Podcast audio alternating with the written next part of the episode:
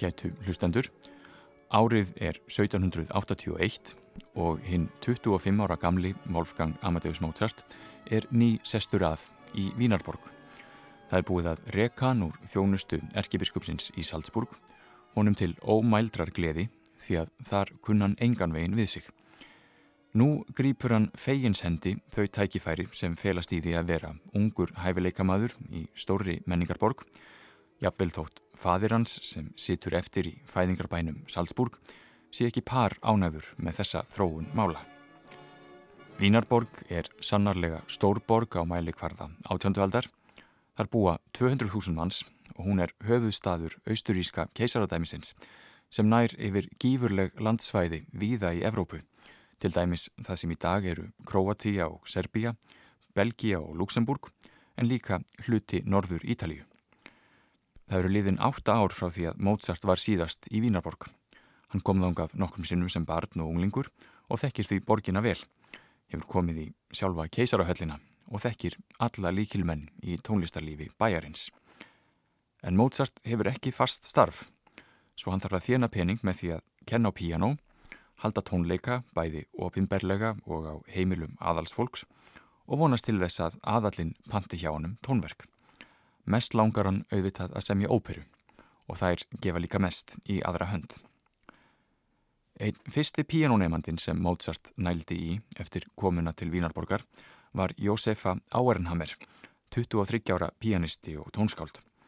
Hún spilaði príðilega á píanó en Mozart trúði föðu sínum fyrir því að hún væri óvinju svipljót.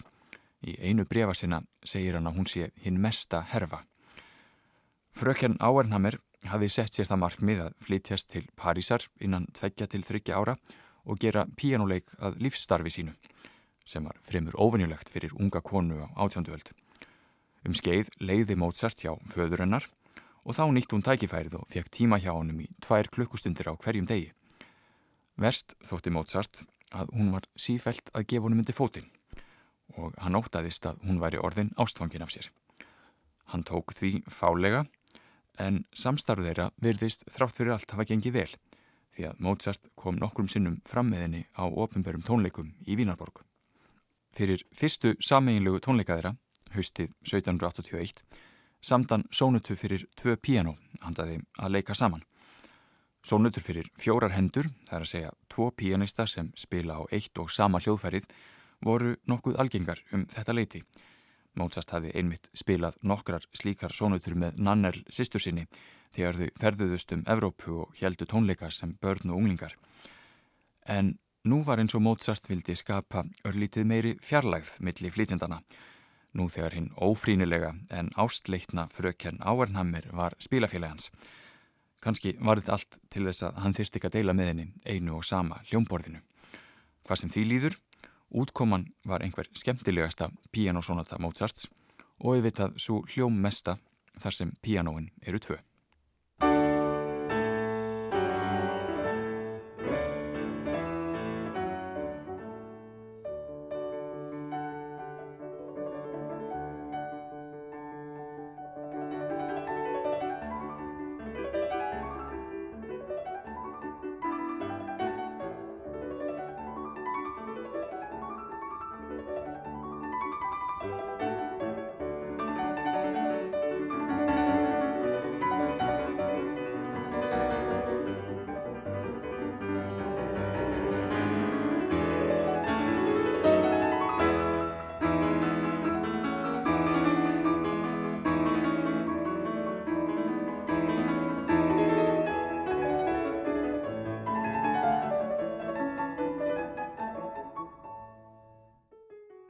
Sónutunni fyrir tvö píanóm sem Mozart samti handa sér og nefnda sínum frökjarn Áernhammer haustið 1781.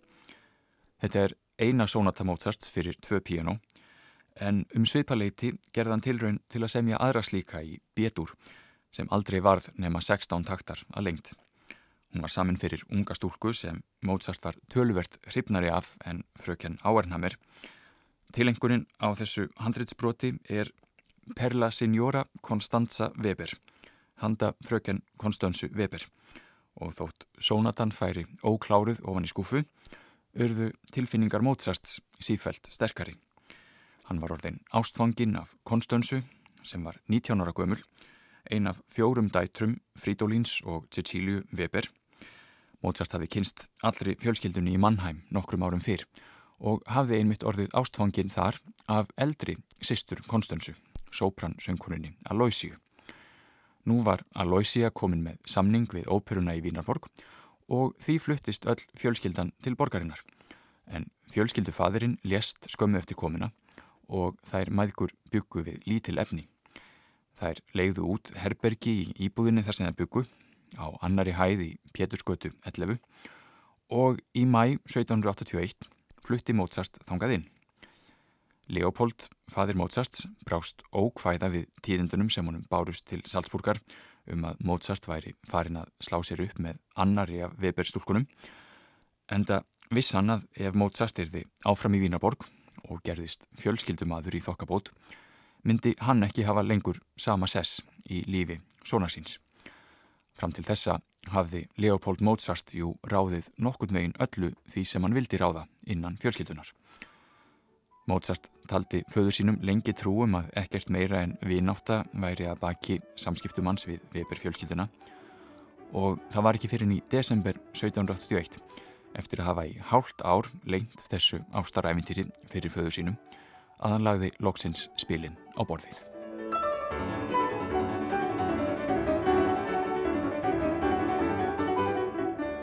Ókvæntur maður er aðeins halfur maður í mínum augum. Ég ræð ekki við það. Augum mín eru þannig gerð. Ég hef íhugað og velt fyrir lengi fyrir mér og mun ekki skipt um skoðun. En hver skildi svo hann elskað að vera? Látið yður ekki bregða. Ég byð yður þess. Ekki þó ein úr Webers fjölskyldunni? Jú, einmitt. Ein úr Webers fjölskyldunni. En ekki Jósefa, ekki Sofía, heldur Konstanza, svo í miðið.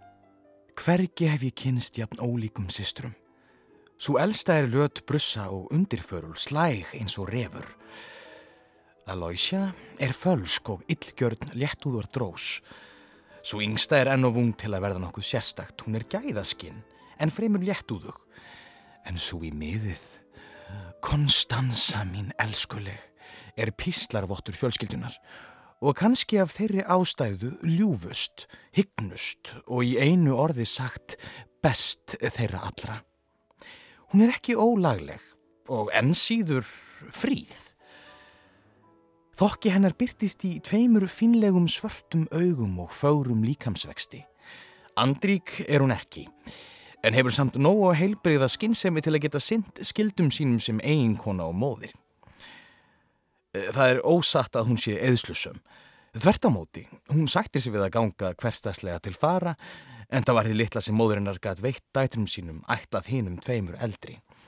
Konstanza fjekk aldrei neitt en má nefna að hún kann vel til húsverka og hefur heimsins besta hjarta. Ég elska hana og hún elskar mig af öllu hjarta. Segji mér hvort ég hefði getað óskað mér betri konu. Þeir sem hafa fylst með fyrri þáttum í þessari röð geta væntanlega getið sér þess til að Leopold, fadir Mozarts, var síður en svo sáttur við þessa hjáttningu svona síns og fann ráðahagnum allt til foráttu. Ekki síst var hann ósáttur við tilvonandi teindamóður svona síns sem hann hefði heyrst að væri bæði drikkfeld og fjegráðug. En Wolfgang let ekkert aftra sér, hann var ástfangin upp fyrir haus.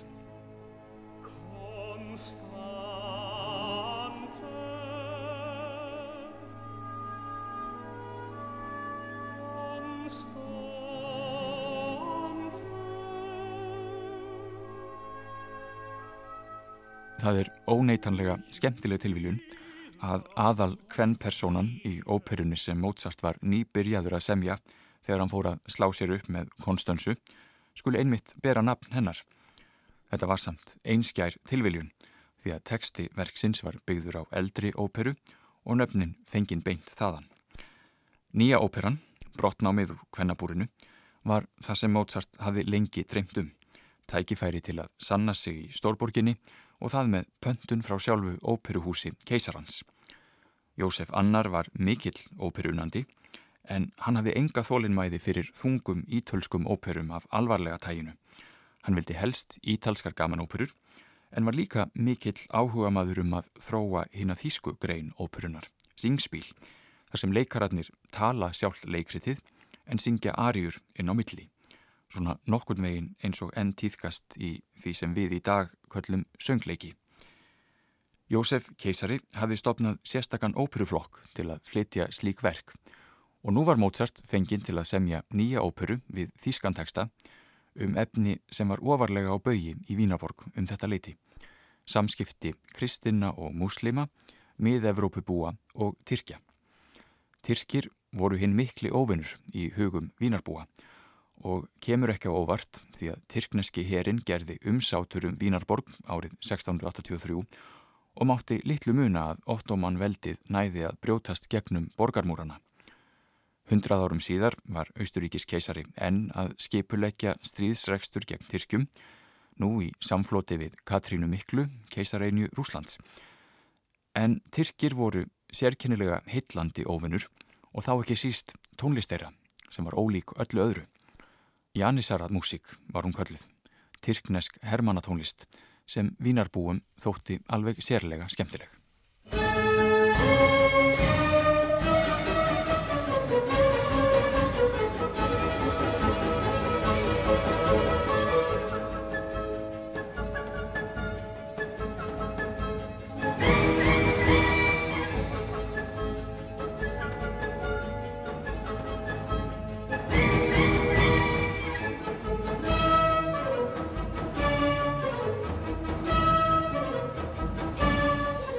Það var um 1770 sem tónskáld í Vínarborg fóruð að nota tyrkneska músík í auknum mæli í tónverkum sínum. Ekki síst fjörmikla marsa sem skáru sig úr fyrir hljómsveitarhússetninguna. Í herrmúsík Janissara voru til hljóðfæri sem annars fundust ekki í vestrænum hljómsveitum en urðu síðan smátt og smátt ómissandi hluti hverjar sinfoníuljómsveitar þökk sé þessu tyrkja æði Vínartónskaldana. Þetta voru helst bassatromma, málmgjöll og fríhorn og stundum var skrækri pikkoloflautu líka bætt við. Tónlist af þessum toga var algjört tísku fyrirbæri næsta áratugin og let næri að hvert einasta tónskáld Vínarborgar semdi í tyrkneskum stíl af og til. Hér áðan hljómaði óperuforleikur eftir glúk og allir þekkja tyrkneska rondóið, Rondo alla Turka og reyni af píanósónutum Mozarts. Eins má nefna Frans Saver Susmer sem var nefandi Mozart og sá sem lauk við sálumessu hans að honum látnum. Susmer samti kvorki meirann í minna en heila tyrkneska sinfóníu.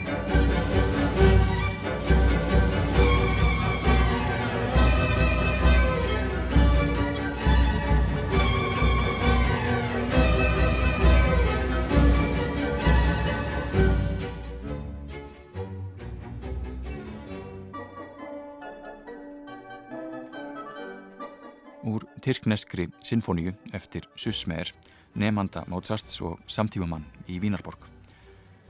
Þetta tyrkja æði austurískra tónskálda fjaraði smám saman út undir lok átjöndu aldar enda höfðu Vínarbúar um annað að hugsa þegar Napoleon kom til sögunar. Þá dopnaði yfir minningunni um tyrkneska herin og aðtikli manna beindist í vesturátt. Þó má heyra enduróm tyrkneskrar hertónlistar í tónverki sem samið var nokkrum áratugum setna. Eitt allra síðasta dæmið um tyrkja músík í Vínarborg er nefnilega að finna í sjálfri nýjundu symfóníu Beethovens.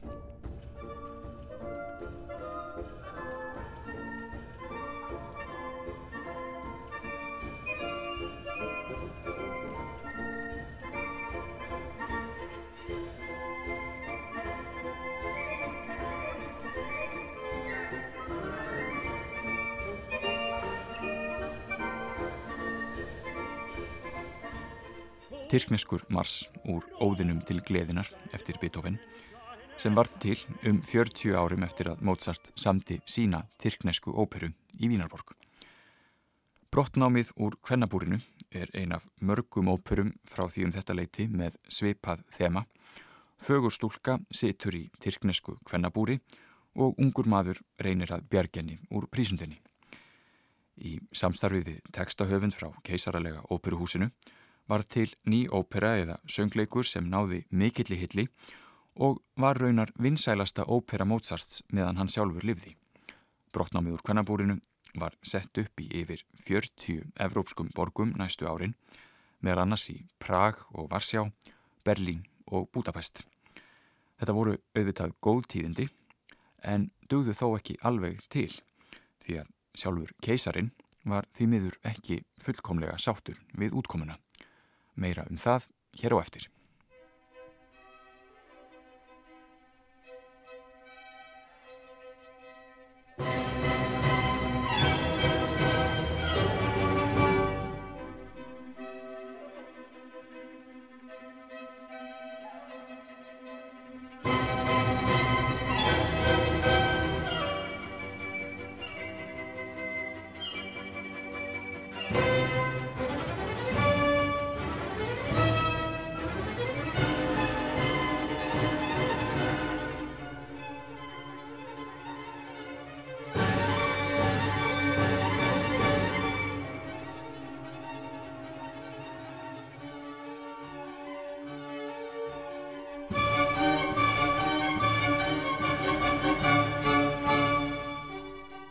Brottnámið úr kvennabúrinu gerist á 17. öld í höll herfóringjan okkus sem hefur þrjá vesturlandabúa í haldi sínu. Þau eru Konstanza og elskendurnir Blonde og Pedrillo. Blonde er þerna Konstansu en Pedrillo er þjótt Belmontes sem aftur er unnusti Konstansu og er nú mættur á svæðið til að bjarga ástinni sinni frá þeim ítlu örlögum sem þarna býðanar. Hann hefur ekki hefnina með sér í fyrstu því hann mætir fyrst ráðsmanni húsegandans, Osmín, sem er vægast sagt styrður í skapi og ekki par ánæður með að rekast á ókunnan vesturlandabúa á landaregninni. Osmín er eins konar skrýpamynd af hinnum herskáfa Tyrkja sem eirir engu og hann er heldur ekkert að skafa af hlutunum. Það ætti nú helst að skera af þér hausinn, segir hann við Belmonte, síðan hengja þig, svo stjaksetja þig, þá brenna þig binda þig og drekja þér. Maður þakkar fyrir að svona náungar séu eitthvað hverju strái. Erst gekämpft, dann gehangen, dann gespielt auf heißer Stangen, dann verbrannt, dann gebunden, dann getaucht, zuletzt geschunden. Erst gekämpft, dann gehangen, dann gespielt auf heißer Stangen, dann verbrannt, dann gebunden, dann getaucht, zuletzt geschunden, geschunden, geschunden. Erst gekämpft, dann gehangen, dann gespielt auf heißer Stangen, dann verbrannt, dann gebunden, dann getaucht, zuletzt geschunden. Heiftarleg reyði Osmins er svo sannarlega komísk en hann er ekki nema hlýðarpersona í óperunni. Skömmu eftir að hann syngur þessa arju byrtist eigandi kvennabúsins, Pasha Selim, á samt Konstansu sem er fangjans. Hann játar ást sína á henni en vill ekki þraungva sér upp á hana, heldur kísan að hún þýðist sig af eigin vilja. Selim gefur henni sólarsing til að hugsa málið en hún segist engan elska nema Belmonte.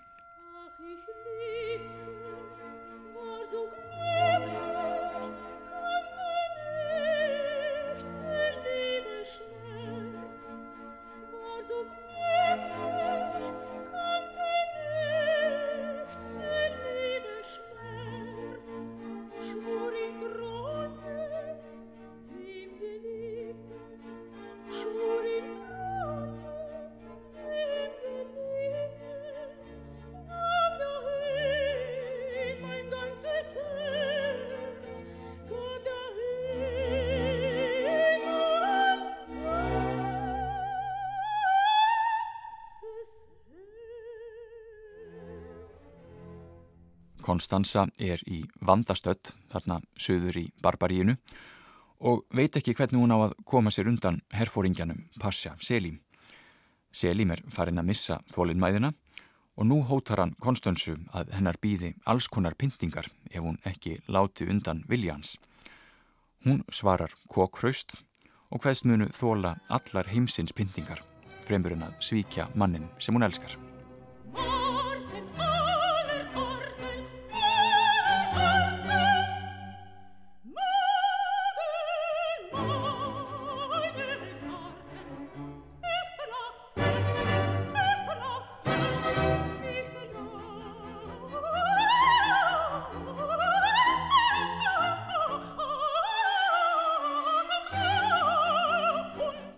Konstansu er svo mikið niðri fyrir í þessari arju, Martern aller Arten, að hún syngur í einni bunu lengur en nokkur annar í óperunni. Þessi arja sprengir eiginlega öll viðmið því hún tekur heilar tíu mínútur í flutningi og er í raun eins konar konsert fyrir sópransöngkonu. Það sakaði auðvitað ekki að svo sem söng klutverk Konstansu í fyrsta sinn var einmitt einn dáðasta söngkona Vínarborgar Katarína Cavalieri. Hún var nefandi Antonios Salieri og reyndar sögðvera ástkona hans líka. Þessum sögursögnum sneri leikskáldið Pítur Sjaffer á haus í leikritinu Amadeus. Þar er það Mozart sem á í ástarsambandi við fröken Cavalieri og vekur þannig upp afbríðisemi Salieris. Hvaðum það? Hún var frábær söngkona en það saði Mozart hafa haft hinnar kviku kverkarennar í huga þegar hann samti tónlistina. Eftir því sem líður á þessa arju verður líka ljóst að Konstanza stendur ekki í þessu alveg einn því að Mozart leggur sérstaka áherslu á fjögur einleiksljóðfæri úr hljómsettinni. Það eru fiðla, selló, flauta og óbó sem fléttast með skemmtilegum hætti kringum sópranröttina svo að útkoman verður eins konar kamermúsík, kvintett fyrir fjögur hljóðfæri og söngrött inn í miðri óperuarjunni.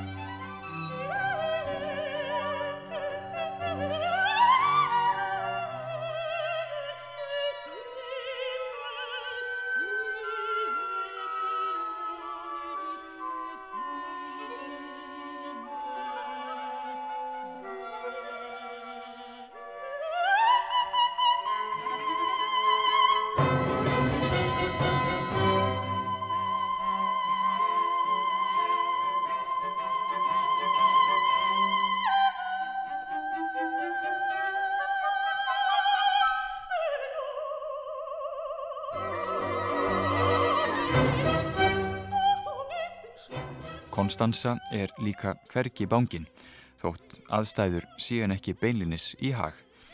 Hún svarar fullum hálsi og talar tæpitungu laust. Þú mátt bölsótast, hamast og hóta mér eins og þú vilt. Frekar vil ég deyja en að játast þér.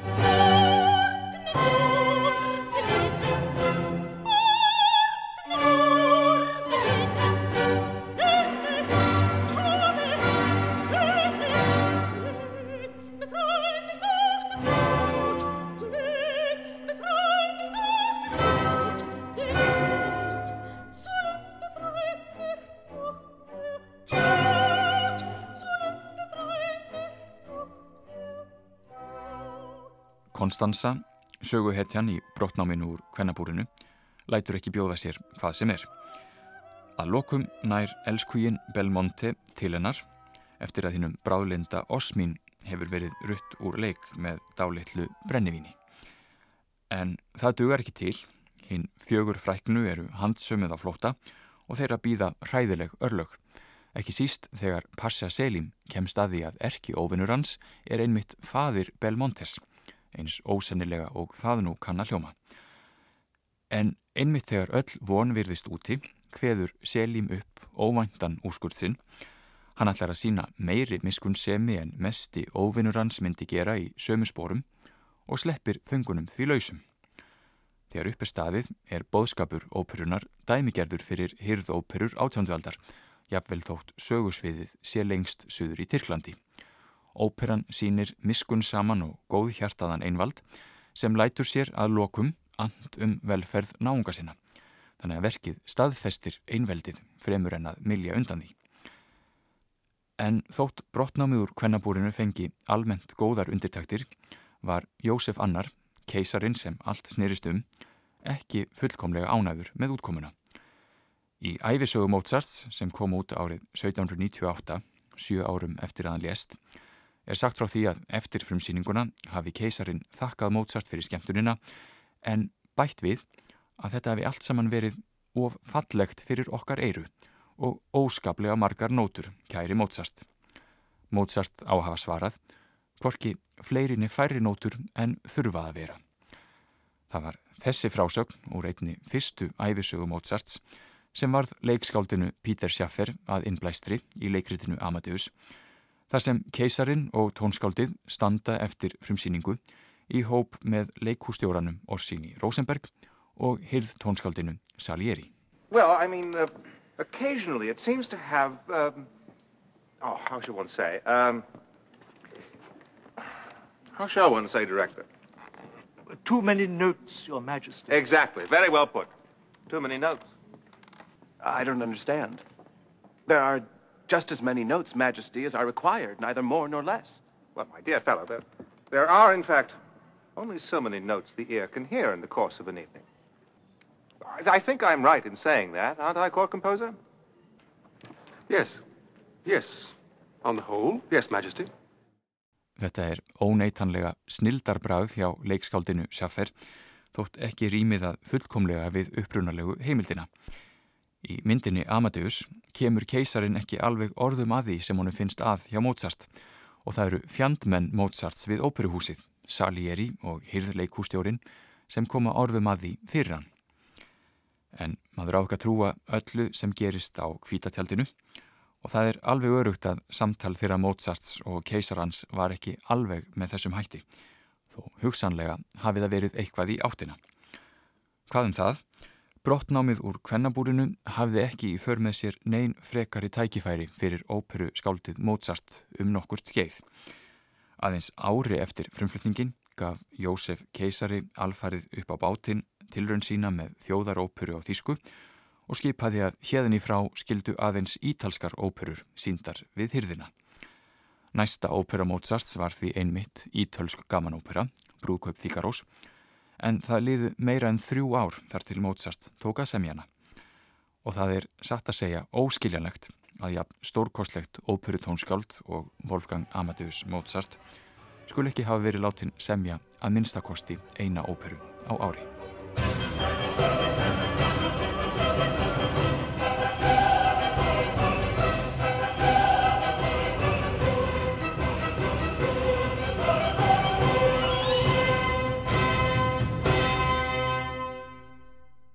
Það var ekki nema nokkrum dögum eftir frumflutningin á brotnáminu úr kvennabúrinu sem Mozart kvæntist sinni eigin Konstansu.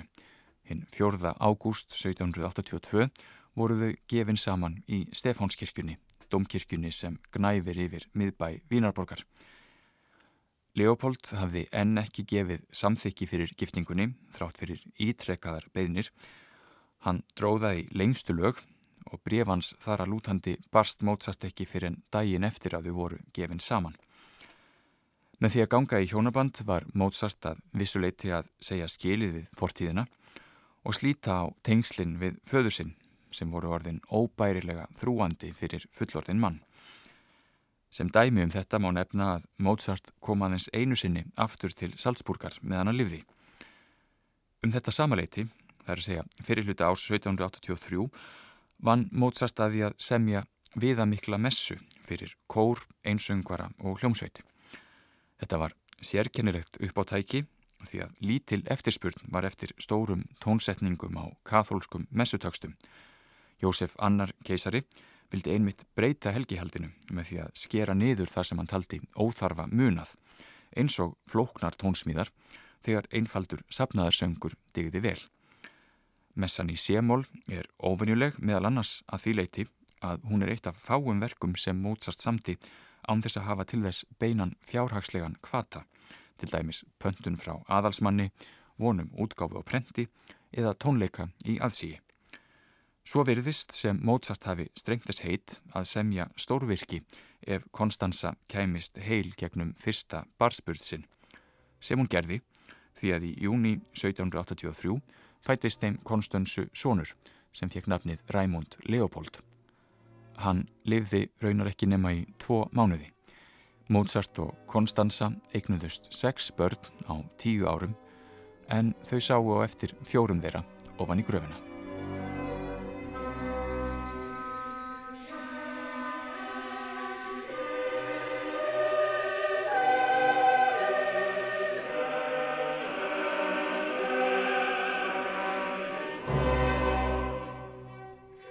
Upphaf messu í Semol sem Mozart vann að árið 1783 um það leiti sem hann kvæntist Konstansu Weber í hálfgerðu trássi við föður sinn. Vera má að þessi messa hafi líka verið ætluð sem einskonar fríðarfórn til Leopolds og Nannerl í Salzburg því þar hljómuðu nokkrir þættir hennar fyrst í einu heimsókn tónskáldsins á heimaslóðir eftir að hann fluttist til Vínarborgar. Þetta var 27. oktober 1783 og Konstanza fór sjálf með annað sópranhlutverkið að tveimur þegar tónlistin hljómaði í Péturskirkjunni í Salzburg.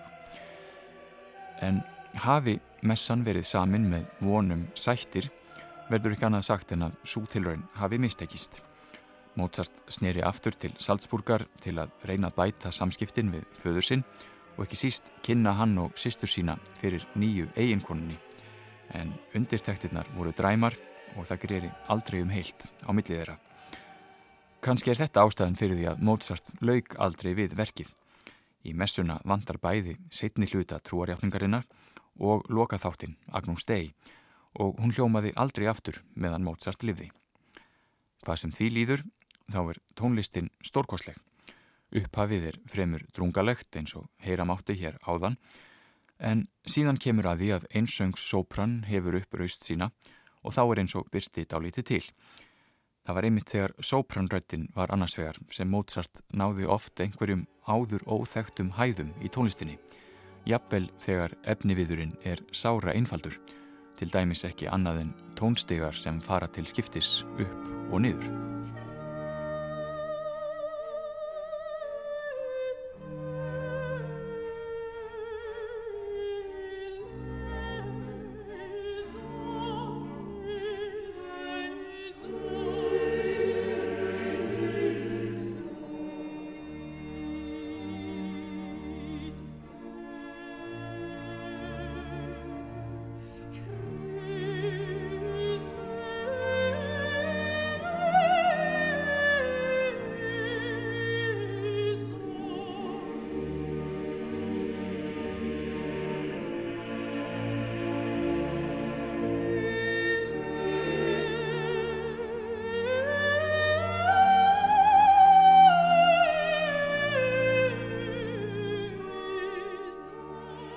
Messa Mozarts í Sémól er vittnisspurður um einhverja óvæntustu en um leið áhugaverðustu þróun í tónlistans þessi fyrstu ár sem hann var búsettur í Vínarborg.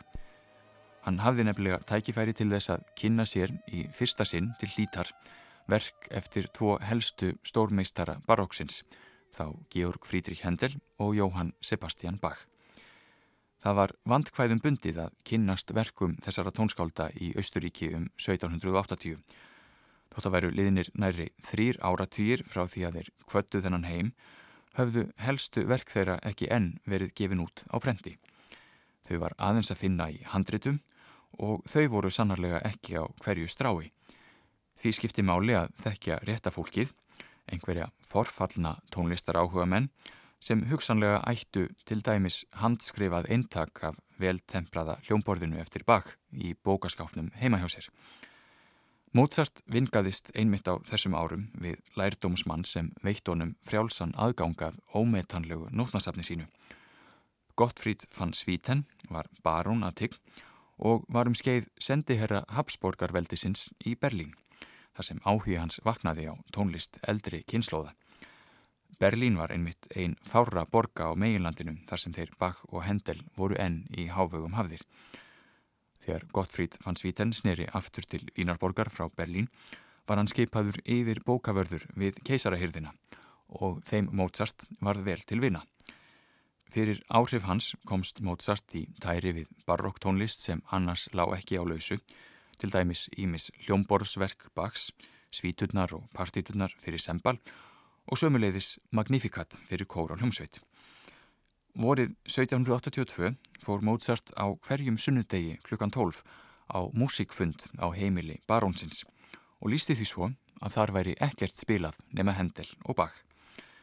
Það var eflaust fyrir þessar tónlistarstundir heima hjá baróninum sem Mozart spreytti sig á því að útsetja fyrir strengjakvartett nokkrar fúkur Bachs, þætti úr veltempraða hljómborðinu sem er eitt metnaðar fylsta hljómborðsverk átjóndualdar. Þetta er eins konar kennslubóki í því að semja fúgu, tónverk þar sem allt efnið er sótt í eitt og sama efnið sem flakkar milli ólíkra ratta.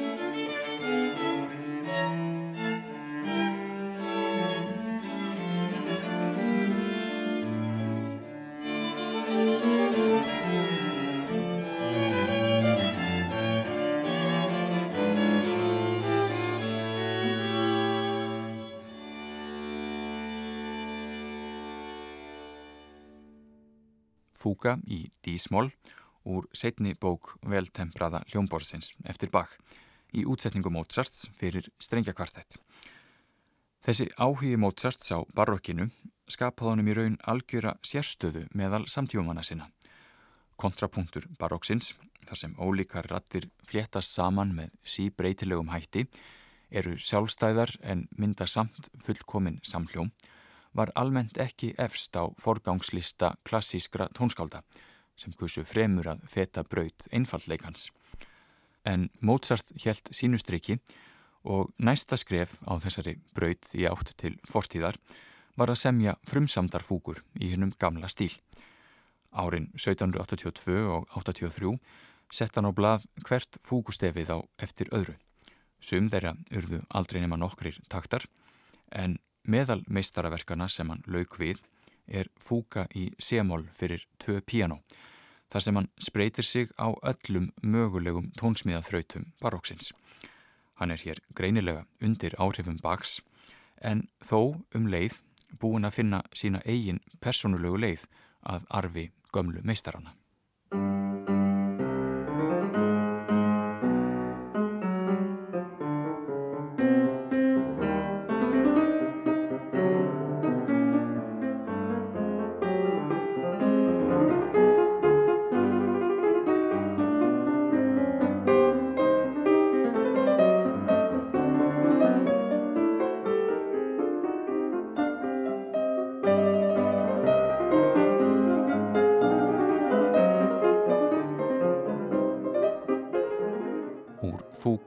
C-moll fyrir tvö piano eftir Mozart K426 sem var samin undir áhrifum frá dýrgripunum í nótnasafni lærdómsmannsins Gottfried van Svíten í Vínarborg. Svíten stóð ekki aðeins fyrir litlum tónlistaruppákomum á heimili sínu heldur stóðan á samt öðrum aðalsmönnum að opinberum flutningi stóra kórverka eftir Hendel og önnur barókskáld. Á árunum 1788 til 91 fekk hann Mozart til að útsetja fjögur stórvirki Hendels fyrir það sem þá þótti nútíma hljómsveit með stærri áhöfn blástursljóðfæra til viðbótar við strengi. Undir lok átjándu aldar þótti sjálfsagt að nota hljóðfæri eins og horn og klarinett sem ekki voru hluti af henni dæmigerðu hljómsveit Hendels og sömuleiðis þótti ekkert að því að uppfæra gömulu verk eftir því sem smekkur manna breytist og hljóðfærakosturinn varð fjölbreytari. Svíten vissi að Mozart var í fjárþraungum þetta leiti og eflaust hefur hann falið Mozart þetta verk til að gera honum kleift að abla sér auka skildings. Hvað Mozart snerti var þetta draumaverkefni því að hér fekk hann tækifæri til að kanna hinn stóru meistaraverk baróksins alveg ofan í kjölinn.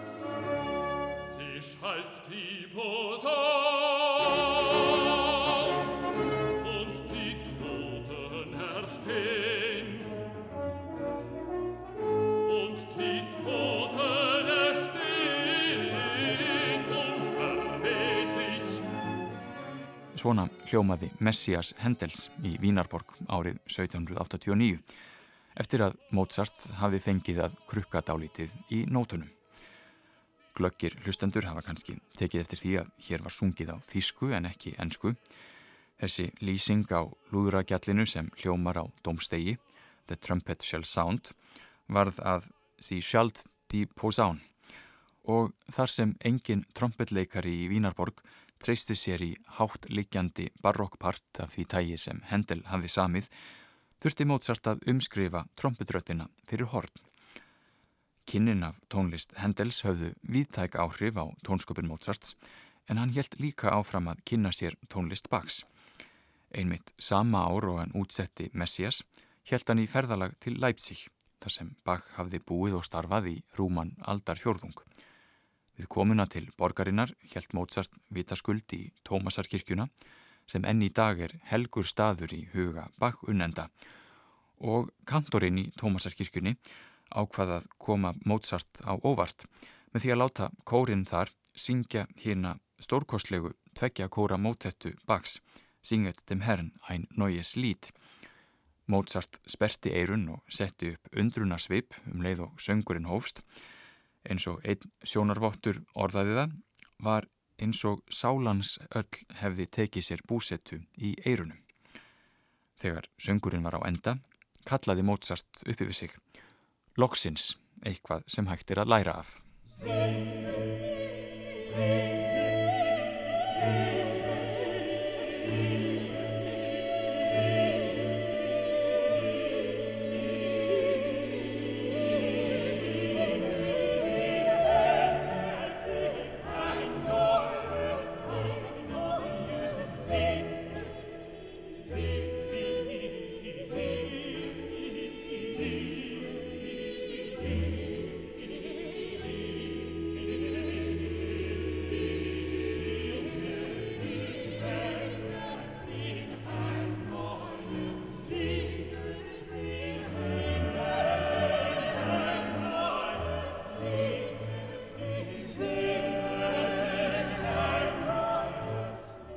Syngið drottni nýjan söng, Singet dem Herrn ein neues Lied, Bachs sem Mozart heyrði í ferðsinni til Leipzig árið 1789. Samkvæmt frásögn ferðafélagans var Mozart svo uppnuminn eftir þennan flutning að hann baðum að fá að sjá allar nótur að verkum Bachs sem voru í eigu Tómasarkirkjunar og hann fekk afrit af nokkrum þeirra til að hafa með sér heim. Það gæti verið erfitt að verða sér út um nótur að gamalli tónlist á þessum árum og oft var einmitt eina leiðin að fá einhvern til að skrifa nóturnar upp úr handriti eins og Mozart gerði í þessu tilviki. Og það var einmitt í þessari sömuferð til Leipzig sem Mozart festi á blað stuttan pianoþátt, litla gígu eða sík, sem er einmitt gamal barokkdans og bæði Bach og Hendel höfðu notað í hljómborðsvítum sínum.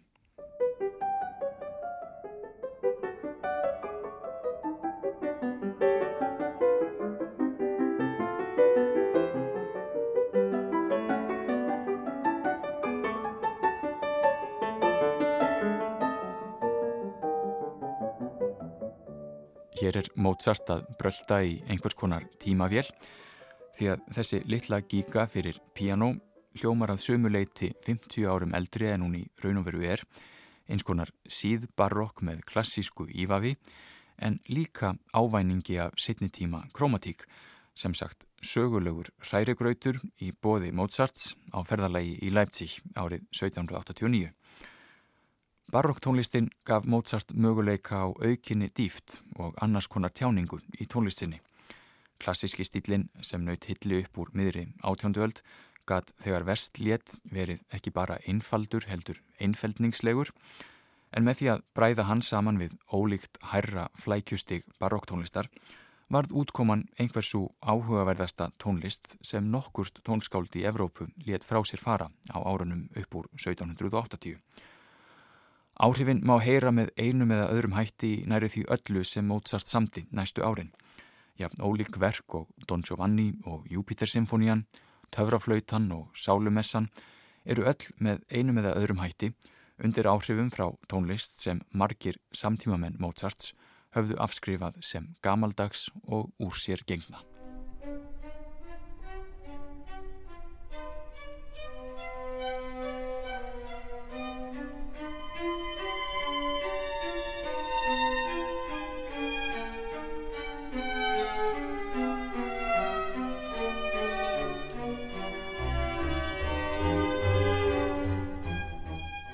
Þessi tónlist hljómar eins og hún gæti verið eftir Bach en þetta er í raun úr töfraflautunni eftir Mozart. Eins konar sálmforleikur í gömlum stíl afrakstur áralangrar stúdíu Mozarts á verkum gömlu meistarana. En við skulum hverfa aftur til ársins 1782 þegar Mozart er einmitt að byrja að melda alla þá möguleika sem hinn vandlega ígrundaði stíl baróksins bauð upp á. Það var einmitt með messunni í sémól, þeirri sem Mozart lauk aldrei við að fullu, sem hann reyndi í fyrsta sinn að bræða saman stíl baróks og klassíkur í stóru formi. Sem dæmi má nefna ábúðarmikinn kórkablan Qui Tollis, þar sem skarpur hreinurinn minnir helst á franst barokk, til dæmis Lully eða Rameau. Neðstalínan er svo sí endurtekin tónaröð, nýgandi bassi sem barokk tónskáld eins og Bach og Purcell höfðu notað til að tjá sorg og jafnvel dauða í verkum sínum. Það á príðilega við tekstan hér, þú sem berð burt heimsins synd, miskuna þós.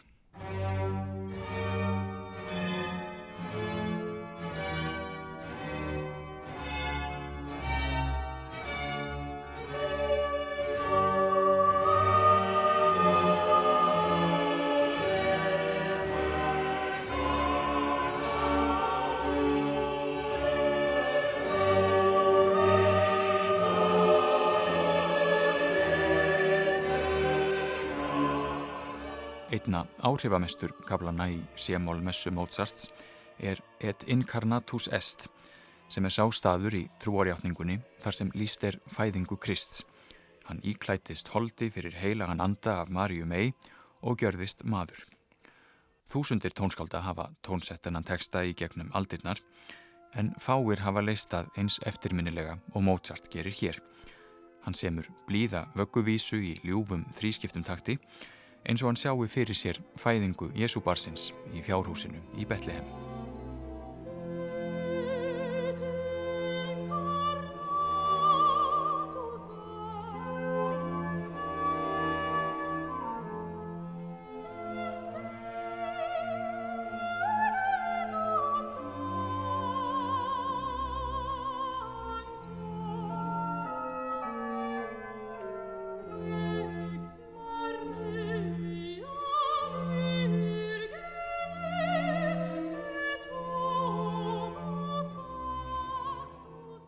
Arian et incarnatus est úr Sémól messu Mozarts er sannarlega undurfögur en Mozart lætur ekki þar við sitja. Þetta er meira en aria, líklega væri næra að kalla þetta koncert fyrir sopran og nokkur sérvalin hljómsætarhljóðfæri, rétt eins og stóra soprana-arian í brotnáminu úr kvennabúrinu sem hljómaði hér áðan.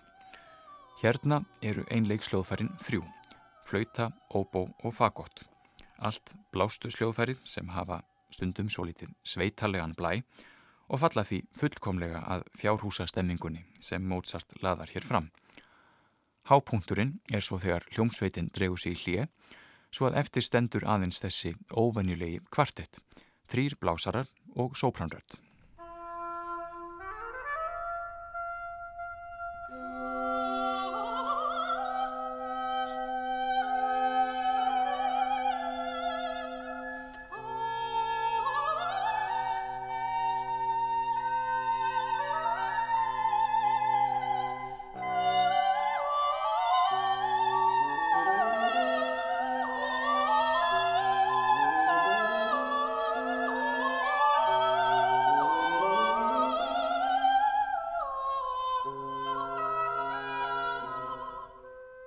Einn fegursta einsöngsarjan úr Sémólmessu Mozarts sem var flutt í fyrsta sinn í Salzburg haustið 1783 og það var Konstanza sjálf, hinn 21 árs gamla eiginkona Mozarts sem söng einsöng við frumflutningin.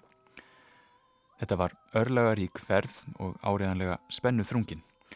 Leopold átti erfitt með að taka teindadóttur sína í sátt og samband sískinana Wolfgangs og Nannerl sem áður höfðu verið svo náinn, varð aldrei samt eftir að Mozart ákvaðað standa á eigin fótum.